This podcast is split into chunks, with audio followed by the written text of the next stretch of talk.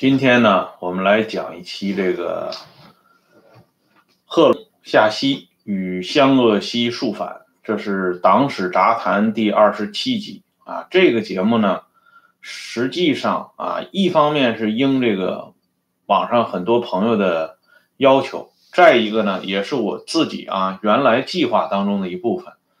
本来呢，在这个李瑞老人留下的政治遗产这个系列谈里面。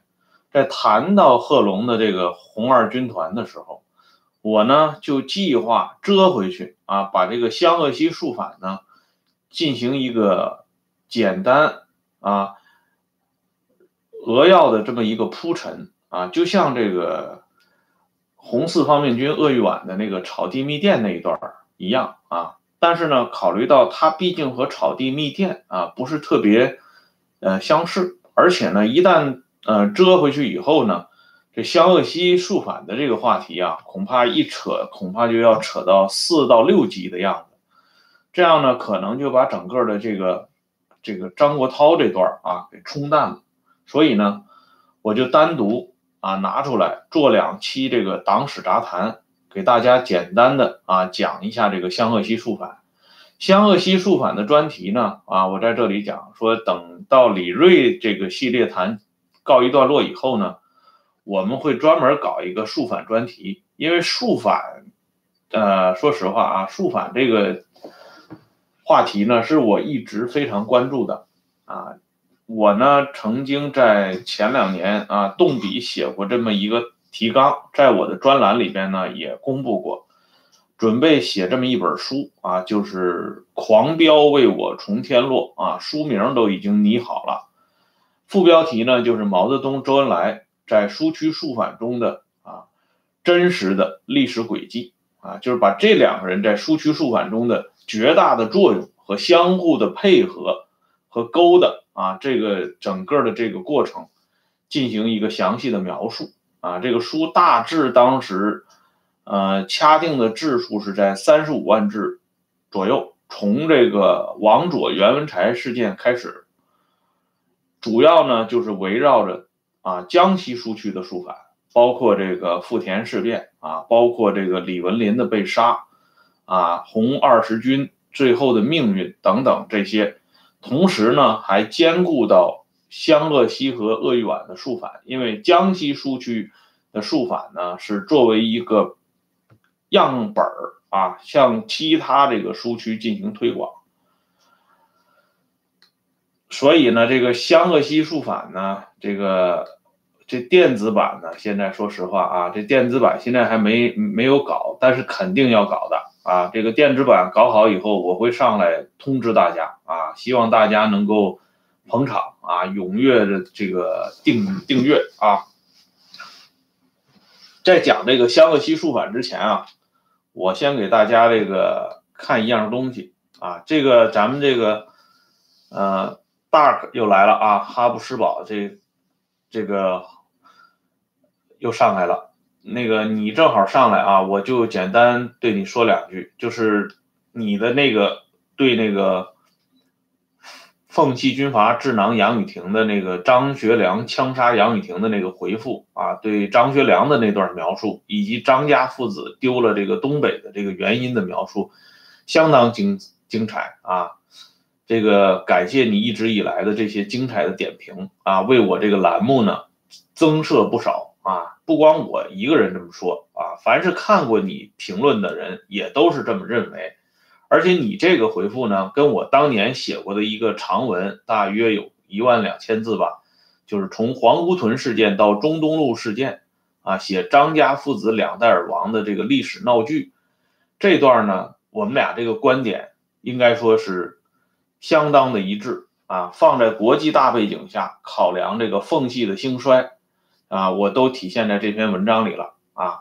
希望呢，你以后啊一如既往的对我这个栏目进行关注啊，进行这个啊知无不言，言无不尽的这个评论啊，感谢啊。这个插一句，现在呢，我给大家看一样东西啊，这东西呢，这个非常有意思啊，这是一本这个小小的连环画。叫《洪湖风云》啊，大家也能看到这个，呃，连环画上边的这个头像啊，这就是贺龙的头像。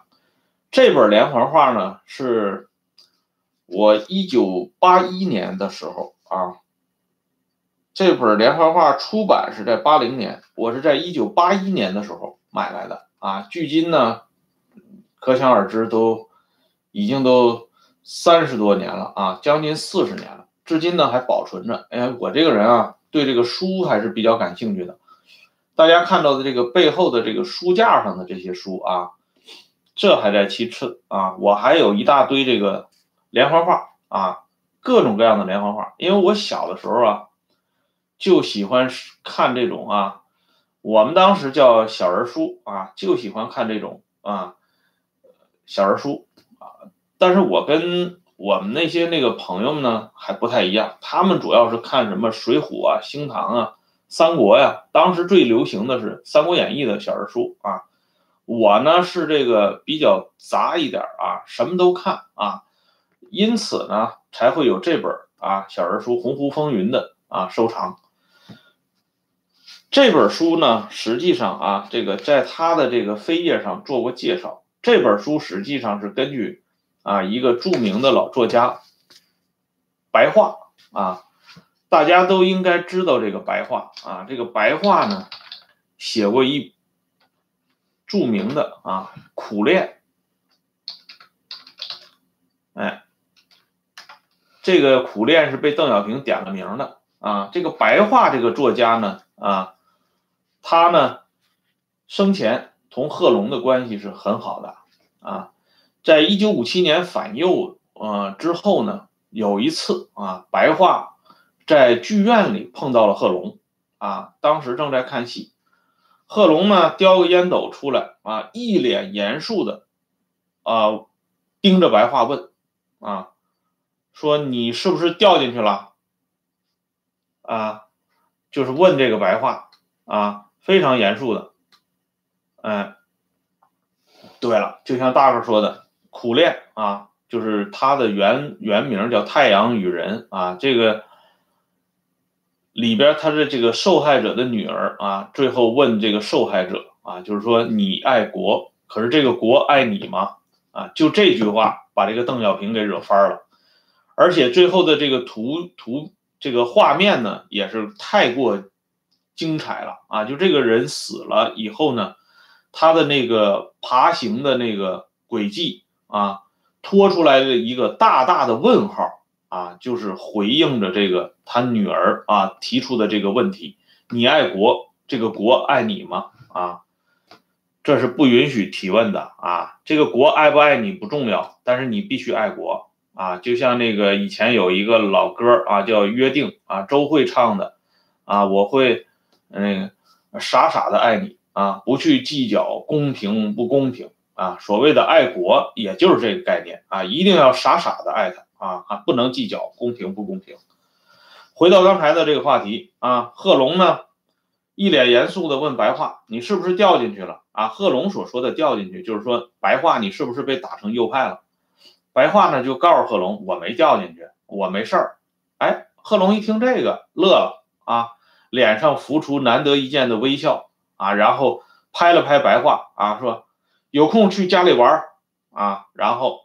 这元帅扬长而去，这段呢，呃，记载呢是出现在白话的日日记里边啊。这个我还收集了一批这个名人日记啊，这些日记呢，在我睡觉前是必看的啊，看着这些日记睡觉啊，睡的一般都还挺香的啊。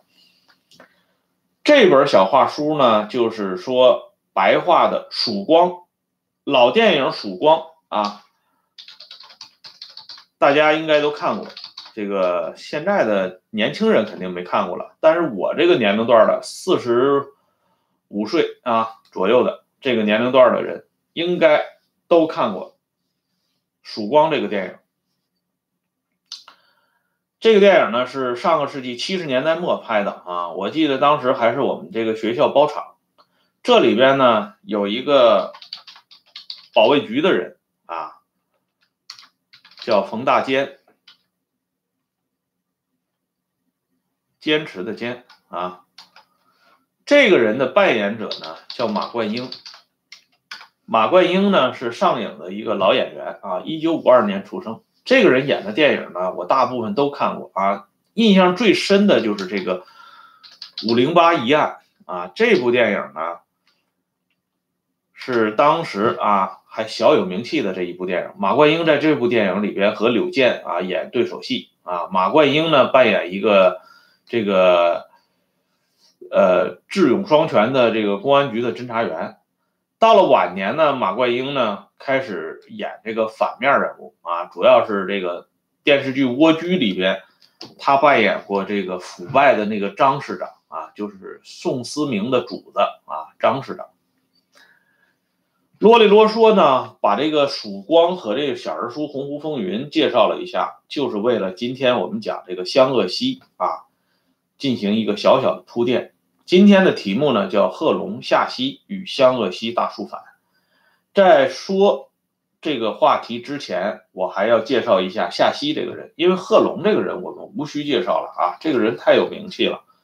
但是夏西这个人呢，大家就知道他呢是一手主导了这个异常惨烈的湘鄂西大肃反，杀了上万人啊，让这个整个的这个湘鄂西根据地。啊，损失殆尽，啊，杀的人最后呢，让这个当地的这个湖水都变红了，啊，当地的老百姓不敢出去打鱼啊，因为捞上来的就是死人呐，啊，死人的脑袋，死死人的胳膊，什么都有啊，残缺不全的尸首，啊，让当地人呢成为一种噩梦啊，传递了将近五十年啊，众口相传，传了五十年。湘鄂西肃反的惨惨烈和残暴啊，于此可见一斑。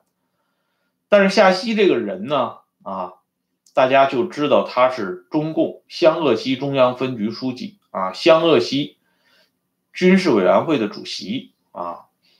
但是这个人他历史上它是怎么一个来路啊，不是特别清楚。所以呢，我们有必要把这个夏曦。做个一个介绍啊，不光是夏曦啊，湘鄂西肃反的三巨头，大家要记一下啊。首推夏曦这个职务啊，然后呢贺龙，然后呢关向英，这是湘鄂西肃反的三巨头啊。这里边呢，这么说吧，因为夏曦死的很早啊，而且他死呢。死的不够名誉，啊，为什么这么说呢？因为他是在逃窜的过程当中啊死掉的。夏曦这个人，我即将要讲了啊，这个人一辈子啊就是逃兵，每逢大事，这个人就是要逃跑的啊。一旦预警啊，遇到警报的慌张杂乱。然后呢，先于他的这些战友们就跑掉了啊！最后这次跑呢，懵懵懂懂的掉河里了，掉在河里还没有人救他啊！用贺龙的话讲，他就只好革命到底了啊！贺龙对这个夏曦的死呢，评价是相当刻薄的啊。关向英呢，死的虽然比夏曦晚，但实际上呢，也没有看到这个共产党建立政权啊，因此呢。在目前公开出版的啊党史教科书里边，经常性的把湘鄂西肃反的这个罪责呢推到夏曦啊身上，旁带的呢能刮带一点这个关向英啊，但是呢刮带的不多。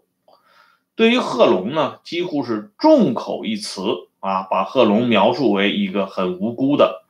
或者是经常与夏曦进行抗争的这么一个人，而这些呢，一方面是由于贺龙活得比较久啊，他自己在一九六二年的时候曾经口述过红二方面军的历史，我给大家看过那个近代史研究中刊载的啊贺龙的那段回忆。再一个呢，贺龙已经被官方树立为一个啊异常高大的这么一个政治形象。他的亲朋故旧，他的后代啊，也不允许 人们在历史的这个啊故纸堆里挖掘出对贺龙不利的材料。但是我们这个节目呢，啊，要对贺龙在湘鄂西术反当中的真实形象啊做一个简单的概括，不能让他啊轻松的就逃了过去，因为这场肃反运动啊欠下的血债太多了。作为后人啊，作为中国人，我认为有必要了解这段历史。现在呢，我们来讲这个夏曦。夏曦呢，资格很老啊，他在中共五届中央委员会当，就是五大开完以后呢，他被选举为五届中央委员。当时五届中央委员呢，一共是三十二名正式委员，啊，十七名候补委员。这个夏曦呢，在这个。中央委员会里边的排名啊是很靠前的啊，十四位候补中央委员啊，不是十七位。夏曦是排在正式的中央委员的第十七名，列在向忠发和顾顺章之后，而排在后来知名的共产党人周恩来、刘少奇、任弼时、恽代英、张太雷之前。而当时与这个夏曦啊齐名的。湖南的这个另外一个著名的共产党人郭亮，仅仅当选为候补中央委员，而在新民学会啊，呃，这个曾经是夏曦上级的啊，这个毛泽东呢，在五届中央委员会里边也仅仅屈居候补中央委员，可见这个夏曦这个人啊，当时在党内的位置是很高的。这个朋友提的话啊啊。我谢谢你啊！我这个电子版会很快啊，尽快的把它推出来啊，争取在这个夏天就把它完成啊！谢谢你出来告诉我这一这个事情，请你放心啊。夏曦呢，同毛泽东的关系很好啊，所以呢，后来有一种说法啊，这当然历史是不能假假设的啊，我们都知道，但是呢，这个说法很有意思，他就是说夏曦如果不是在长征当中淹死。啊，这个人如果见了毛泽东以后，他在湘鄂西肃反的这些罪责呢，可能就被淹没了。因为一个呢是这个肃反这个东西是毛的发明啊，毛对肃反本身不存在任何反感啊，他之所以用肃反的名义打击张国焘，那只不过是啊收拾张国焘的一种手段而已，并不等于他反对肃反。再一个呢，毛与夏曦的关系非常好。啊，这两个人呢，在新民学会的时候就是过从甚密，两个人有很多共同语言啊。这个夏曦这个人呢，是属于很残酷的，嗯，他在这一点上啊，与毛的性格当中的某些东西是非常契合的啊。这所谓鱼找鱼，虾找虾，啊，什么人找什么人啊。所以呢，如当时就有人讲啊，如果毛啊。同夏曦见了面以后啊，长征会师以后，夏曦肯定就会被毛保护起来了。夏曦的第一次这个当逃兵呢，是马日事变的时候，就是一九二七年五月二十一号啊。湖南人呢管这个马日事变呢叫马变啊，就是简称为马变，党史上呢也是这么称呼。这个马变的当天呢。作为当时啊湖南省委书记的夏曦，居然不见踪影了啊！撇下湖南省委一干人等，撇下这几万农军啊，这个人借口向武汉中央汇报，跑掉了，只留了一张条子啊，说他去哪儿去哪儿了。然后呢，啊，这个人就跑了。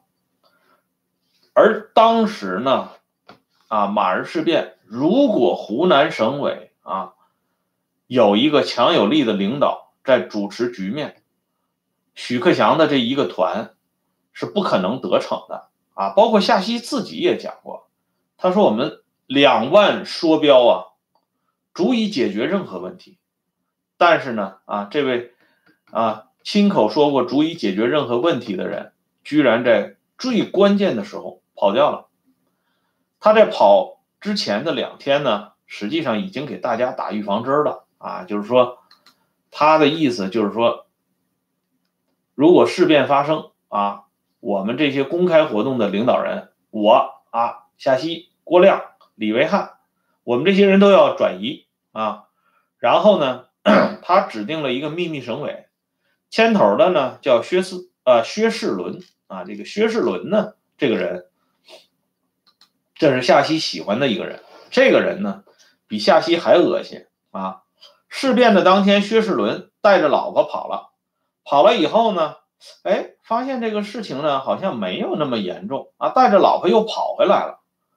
结果跑回来以后，这事变就严重了啊！这薛世伦最后怎么办呢？吓得啊，钻到了床底下啊！这就是夏曦指定的中共湖南临时省委负责人薛世伦在马日事变当天的表现。就是说，实际上我们看啊，包括看这个电影《红岩》啊，这个《烈火中永生》，什么江竹君呐、许云峰啊啊，这些人啊，对了，就像这大伙说的，历来都是向领导先走啊。这些烈士啊，共产党这些烈士是怎么形成的啊？首先都是上级党组织啊，把他们给坑的。啊，具体的就是上级党组织的领导人把他们给坑的，啊，红岩，我们看过那小说吧，啊，有多么惨呢？啊，当时地下党让人一网打尽，可是根子是在这个省委书记啊，叫当时叫特委书记，傅华普身上啊，傅华普就是傅志高的原型之一啊，这个电影《烈火中永生》，傅志高是一个。普通的这个啊党党员，实际上这个人是省委书记啊啊，正是因为他进去就招了，剩下这些人就自然而然的让人给抓了啊。这个夏曦在关键时刻的表现，这是中共早期啊啊所谓大革命时期、白色恐怖时期，实际上相当一部分啊上级组织的领导人已经在这么干了。这个夏曦这个跑呢，李维汉啊用过一个字啊，叫用过一个词叫不辞而别啊。当时跟夏曦一起逃跑的呢，还有后来的啊著名的武汉大学校长李达啊，李达也跑了啊。但是李达呢，你得这么说啊，他那个时候跟共产党呢已经开始若即若离了啊，所以呢，这李达的跑呢。跟夏曦的跑还不完全一样。再者呢，李达那个时候的负的责任也没有啊夏曦负的责任那么重要啊。由于夏曦的逃跑呢，导致这个十万农军扑长沙，功败垂成啊。这个蔡和森呢，柳直荀呢啊，在这个回忆当中呢，对这个所谓的机会主义大张挞伐。但是这些东西都不是主要的，反倒是谢觉斋啊，在晚年呢，对这个事情呢啊做了一个重要的描述啊。谢觉斋的这个描述很有意思啊，他在这个回忆里边呢，对夏曦和柳直荀都做了客观的评判。他认为柳直荀这个人太过冒失啊。光知道斗争，啊，不知道这个斗争呢是要讲究战略战术的。特别是他点出了柳直荀贸然杀害湖南士绅叶德辉，造成的影响非常恶劣啊，非常之恶劣啊。这个柳直荀随意啊开杀戒，这是开了一个非常不好的先例啊。这个人呢，当时呢是非常暴力的啊，主张。这个快刀斩乱麻就是杀人啊，杀人立威。再一个呢，这个呃谢觉斋呢就提到了夏曦啊，他说呢，省委自身走的很乱啊，这句话说的非常隐晦啊，可是呢点出了问题的实质，正是因为啊这个。夏曦带头逃跑，导致了这个马日事变，最后啊让中共受到了极大的损失。因此呢，早年编著的《中共党史人物传》夏曦的这个词条里边也提到啊，夏曦处此紧急状态，临时慌乱，枪未响先行离开。作为省委书记，这是夏曦在马变之际的一个突出缺点啊，这还算是点到了这个夏曦的这个缺点啊。所以我经常说嘛，你看书的话呢，就看上个世纪的八九十年代出版的，两千年以后出版的这些党史教科书，基本上可以忽略不计了，因为假的东西太多了啊，掩人耳目的东西太多了啊，没法看。反倒是早年呢，他也不是不想撒谎，而是那个时候有相当一部分知情人还健在啊，他觉得这撒谎好像有点掩盖不过去啊，所以呢，就还留了点真的东西啊。这《中共党史人物传》难得的提到了夏曦这一点啊。这个朋友说，这个大浪淘沙，大浪淘沙呢，实际上是另外有这个。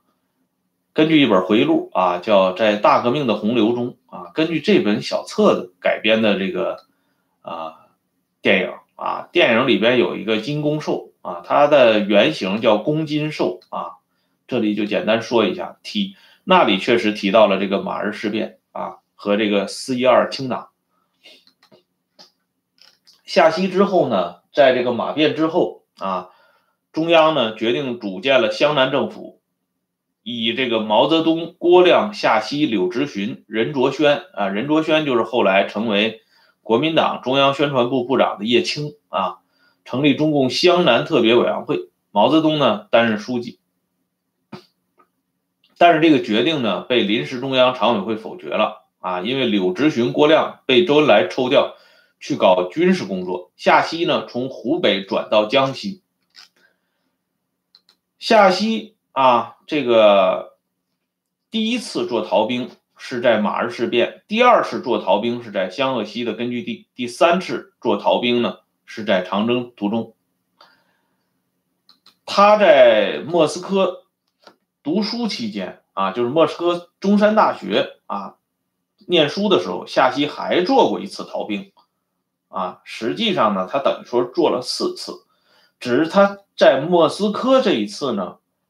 很多人啊不清楚，为什么呢？因为一开始斗争的时候啊，王明一派，另外还有一派啊，这两派进行斗争的时候啊，反王明这片这派里边就有夏曦啊。夏曦一开始是反王明的，可是后来呢，他发现啊，这个王明这边势力大，他马上就脚底抹油了，跑了。啊，从反王明这派就跑掉了，投到王明的怀抱里。啊，这一次呢，让夏曦啊受益匪浅，啊，以至于呢，在中共六届四中全会以后，啊，夏曦被派到这个湘鄂西担任中央分局书记。这个夏曦呢，在六届四中全会以后呢，还有点降级啊，他原来是中共中央正式委员，后边呢，他就成了中共中央候补委员了，但是不影响。啊，他手中的这个权力，夏曦在莫斯科的时候啊，他还写过一篇文章啊，就是怀念他湖南战友夏明翰。啊，这个夏曦的这篇文章啊，可以说是这个夏曦啊，这个人留给历史啊上唯一有点价值啊，说了点人话的东西，就是在夏曦回忆夏明翰的这个文章里边。能让我们看到啊，早期共产党人这种背水主义啊，在他们身上的具体体现啊，就是这个我们都知道什么叫背水主义啊？背水主义，哎，用今天的话讲就是这个三批嘛啊，经常换女人啊，换伴侣啊，这个夏曦的这个怀念夏明翰的文章里边呢。就透露了啊，这个夏明翰啊，也是这个杯水主义者啊。他呢，这个夏曦说了啊，这个这这夏明翰还不只是这个啊杯水主义者，这这还是搞了人家这个有夫之妇啊。这是夏曦写的原话。明翰同志在两年前还未结婚。他与一位女同志是有很深的爱情，但他这个女同志已经有了爱人啊，这个“爱人”这个词儿哈，就是这个劳动党专门发明的啊。这个“爱人”这个词儿呢，很这个晦涩啊，既表达这个好像两个人已经在一起了啊，又呢没有提到他们两个人实质上的这个法律上的契约关系啊。但是这个词儿很流行，在上个世纪呢啊几十年。包括我们父母这一代啊，经常问你爱人是在哪儿工作的啊，都是来自于这个啊劳动党的这个标准的语言。而这个夏曦呢，接下来写的这段话更让人感到有意思啊。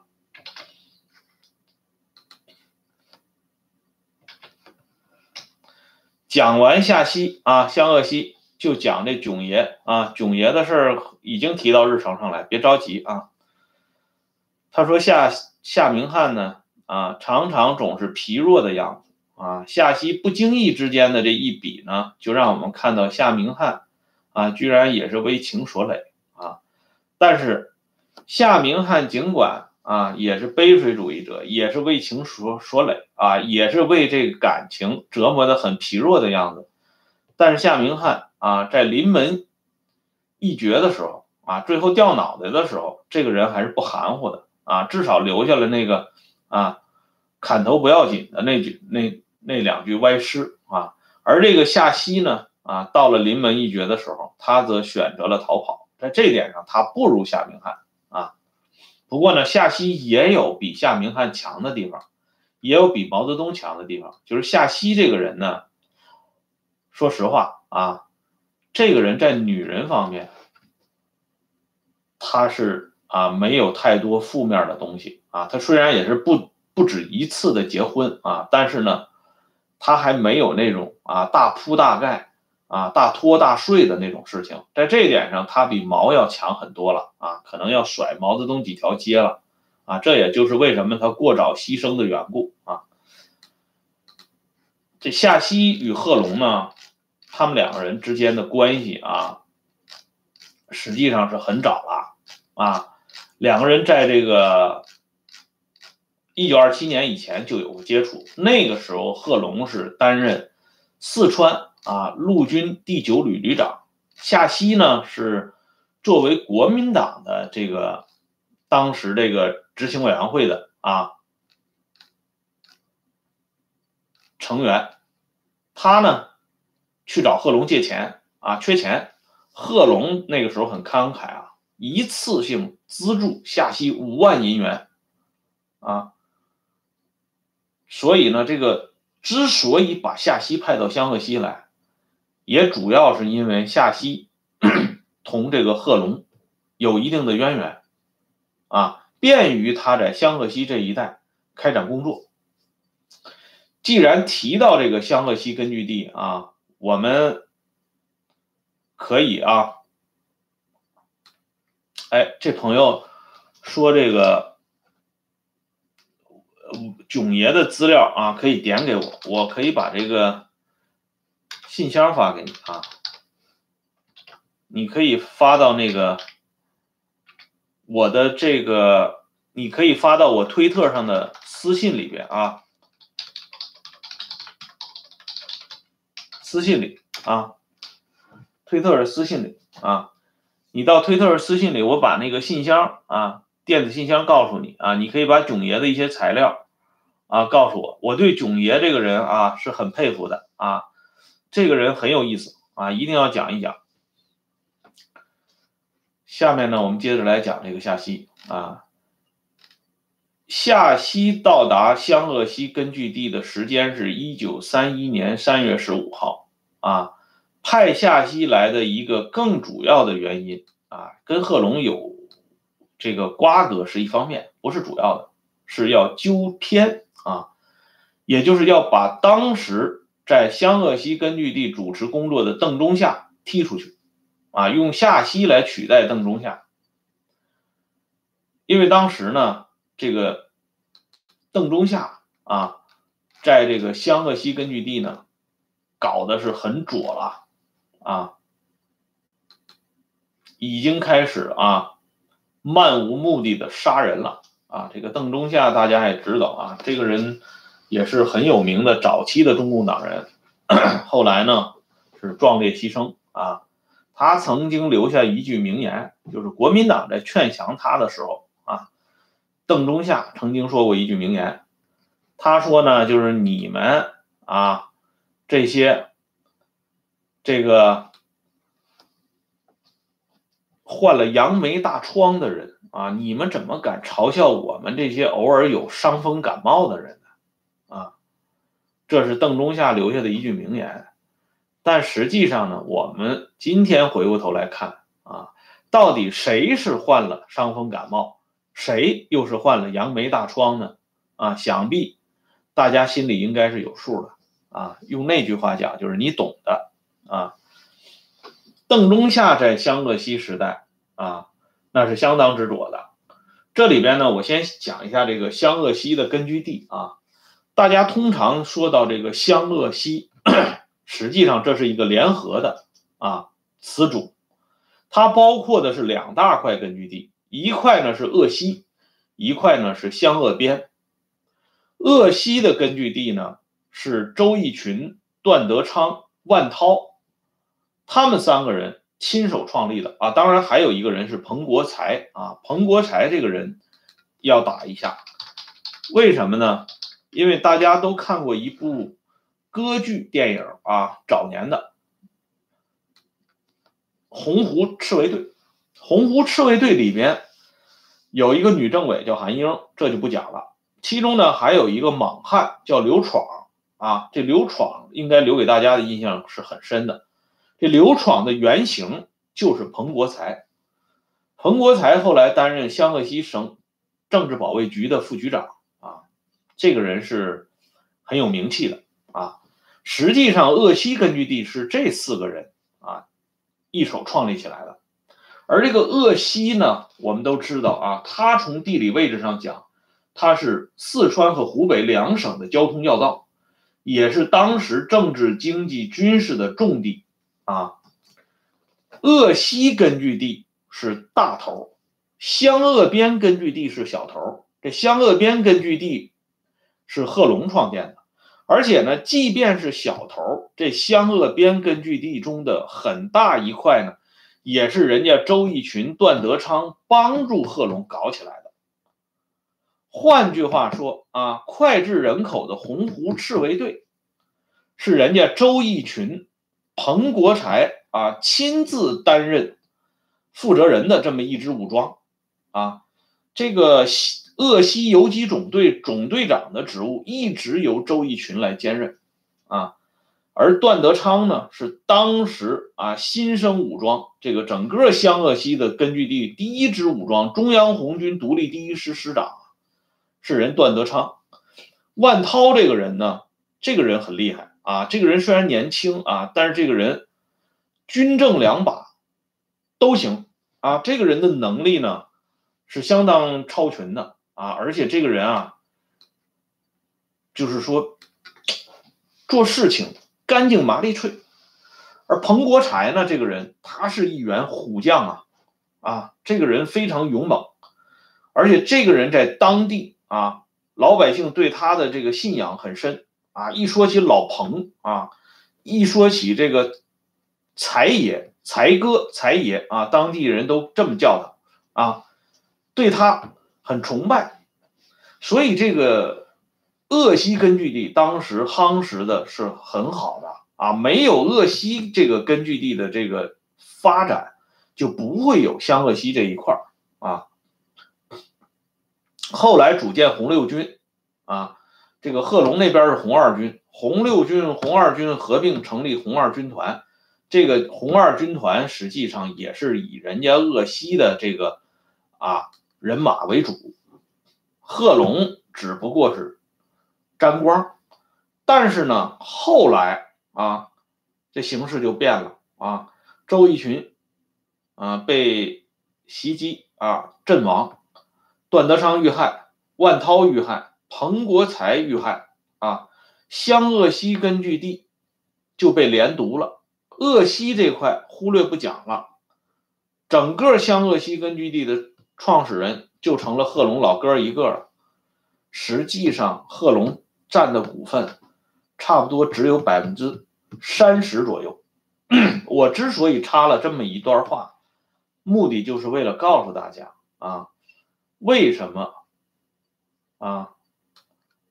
我们说数反三巨头，香格西数反三巨头当中，最应该讲一讲的是贺龙啊。贺龙在这场数反运动当中隐藏的是最深的啊，而这个湘鄂西数反这个。屎盆子后来扣到了夏曦的头上，部分扣到了关向英的头上，而最大的受益者是贺龙啊。贺龙经常说他受夏曦、关向英的夹板气啊，他这一票不作数啊，这样呢，他就洗刷了自己在这个肃反三人小组里面的这个这个责任，而洗刷责任的同时呢，啊，摇身一变。又成了整个啊湘鄂西根据地的原版创始人，你说说，他这个桃子摘的啊，真的是又大又好啊，又这个正逢其时啊，所以呢，咱们这个湘鄂西术法必须要认真的来讲一讲啊。我们现在呢，今天的这个结尾处呢啊。再讲一会儿就收尾了。今天的结尾处呢，我给大家讲一下邓中夏啊，在湘鄂西根据地是如何对自己的战友和同事屠刀相向的。一九二七年七月啊，我们都知道这个时候正是这个所谓的白色恐怖最严重的时候啊。这个时候冒死加入中共的啊一个人叫李步云啊，这个李步云呢。后来担任红五十师师长，啊，那个时候的师长实际上只有一个团的这个建制，但是他很难得呀，他是在一九二七年啊七月份啊，正是这个共产党一蹶不振的时候加入的，湖北省政府啊，国民党湖北省政府悬赏一万元大洋啊，缉拿这个李步云。这个李步云呢，啊，这个人很厉害啊，这个人是。以寡击众，以少胜多啊！领着这个不到一团的人啊，在这个湖北这一带啊，跟这个国民党打游击，取得很大的成果。可是呢，他却被两个人啊视为再不能容忍的右倾机会主义者。哪两个人呢？一个是中央代表红二军团前委书记邓中夏，一个是中共。湘鄂西特委鄂西特委书记、湘鄂西特委巡视员周小康，啊，这样呢，红二军团前敌委员会在接到中共长阳新县委的这个汇报后，未经调查，周小康就率两个营的武装到了县委驻地，以开会的名义调回李步云，啊，当场将李步云枪决。杀了李步云还不算啊，把这个在家养病的啊李步云的搭档，就是这个施政委江山，也打死在床上了啊。这个江山当时正是闹痢疾、闹疟疾啊，躺在床上休息啊。周小康带人踹门进去啊，拿驳壳枪当当两枪就把这江山也给打死了。这个情节特别像这个井冈山时代这个王佐、袁文才的那个事情啊。这是邓中夏在湘鄂西推行左的一套啊，这个时候的这种表象。而这个时候呢，我们都知道啊，贺龙啊，这个时候已经在这个红二军团里担任负责人了。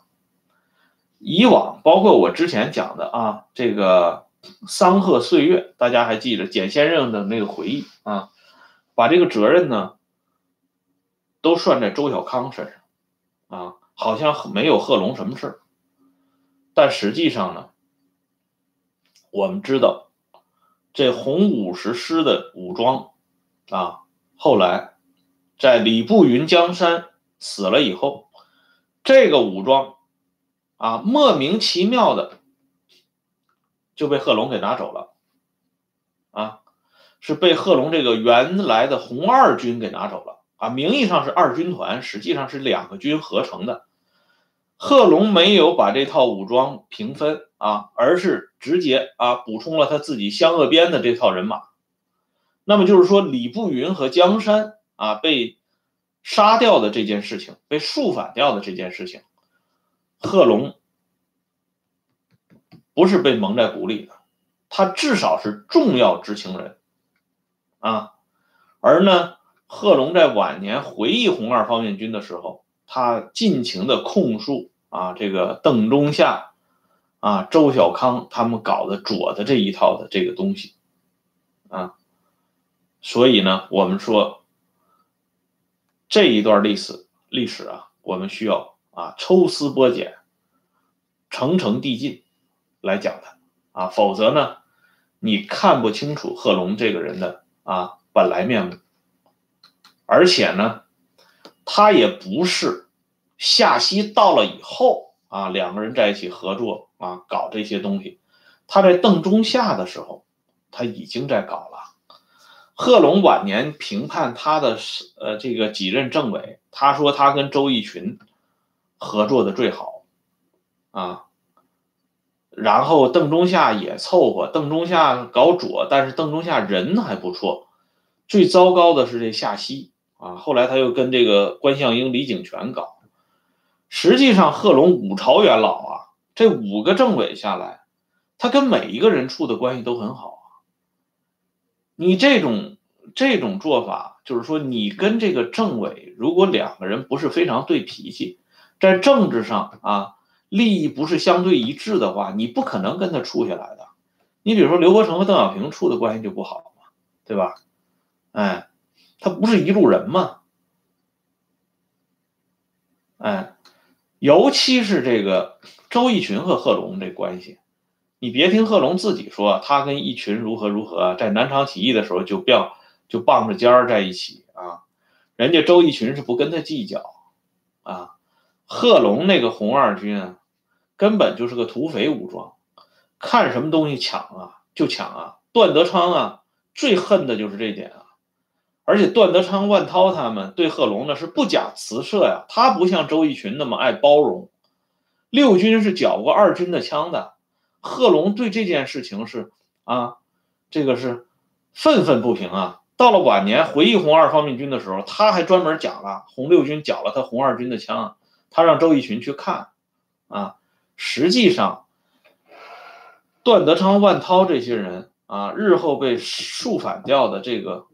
这个伏笔啊，在这个时候就已经埋下了，至少在贺龙的身上已经埋下了。哎，而且在这几任政委啊，你比如说邓中夏、夏曦、关向英、李景泉这四个人啊，例行左的这套东西过程当中呢，贺龙都是鱼有利焉啊，这是一句古文啊，鱼有利焉。什么叫鱼有利焉？那帮了大忙了。而且贺龙还有自己的小算盘，啊，这些话呢，我们留在下一次的节目里边继续给大家讲。今天呢，先铺陈了这一些东西，让大家呢有这么个印象：湘鄂西肃反，主导肃反的这三个人，夏曦、贺龙、关向英，没有一个人是无辜的，啊，不存在什么孤掌难鸣这些东西啊，这都是哄人的，不要相信这些东西啊。他们每个人都有每个人的账啊，我们接下来的节目，咱们要一笔一笔的给他们算清楚啊，该是谁的账就是谁的账，谁也逃不掉啊。我们经常说啊，他能够逃脱法律对他的制裁啊，但是他逃不脱历史对他的惩罚啊。历史这个惩罚，呃，没有法律的惩罚那么直接啊，那么严格。但是呢，咱们也得说一说啊。今天呢，咱们先说到这里。啊，下一次节目再见，啊，谢谢大家上来捧场啊！明天这个时间啊，明天早晨这个时间啊，七八点钟，也就是国内晚上七八点钟啊，这个时间我们来讲香格西书法的第二集啊。这个夏曦到了香格西之后，他对段德昌、万涛这些人是如何动手的啊？就是说湘鄂西第一次书反啊。内容就开始讲了。呃，这个大师说的对啊，“孤掌难鸣”这个词是很多人用来给周恩来洗地。事实上呢，这个词也不停的啊被用来给徐向前、贺龙啊来洗地，认为这些人在层层包围之下，他们很难啊不驱从那种恶势力，很难不说一些违心的话，做了违心的事。好，我们退一步来讲。啊，就算是你说了违心的话，做了违心的事儿，可是你说了哪些违心的话，做了哪些违心的事儿呢？为什么不敢亮在光天化日之下呢？那你要躲避什么？你害怕什么呢？那么现在我们就有责任把你说过的这些违心的话，做过的这些违心的事情亮出来，对吧？让大家来评判一下，你说的这些违心的话造成什么样的后果。啊，你做的这些违心的事情，造成了多少无辜生命的啊丢失啊？命是找不回来的啊，不是韭菜啊，割掉了可以重新长。毛泽东不也讲过这句话吗？啊，什么宜出不宜细呀？对呀，就像这个大师说的，肚子里没有鬼，你为什么不敢喝凉水啊？贺龙不经常这么说吗？对不对？所以我们就给贺龙同志也喝点凉水啊，晾一晾。啊，不能光看这个啊，鸿鹄风云，这上怎么想的啊？这这最后的，这贺龙说，同志们，在乌云当顶的时候，我们进行了坚决的斗争，付出了很高的代价啊！在革命的紧急关头，是毛主席挽救了党，挽救了红军，挽救了革命啊！这是简直是啊，漫天胡扯啊啊！所以我们要对这个历史进行重新的梳理啊。今天呢，节目就先说到这里，谢谢大家，再见。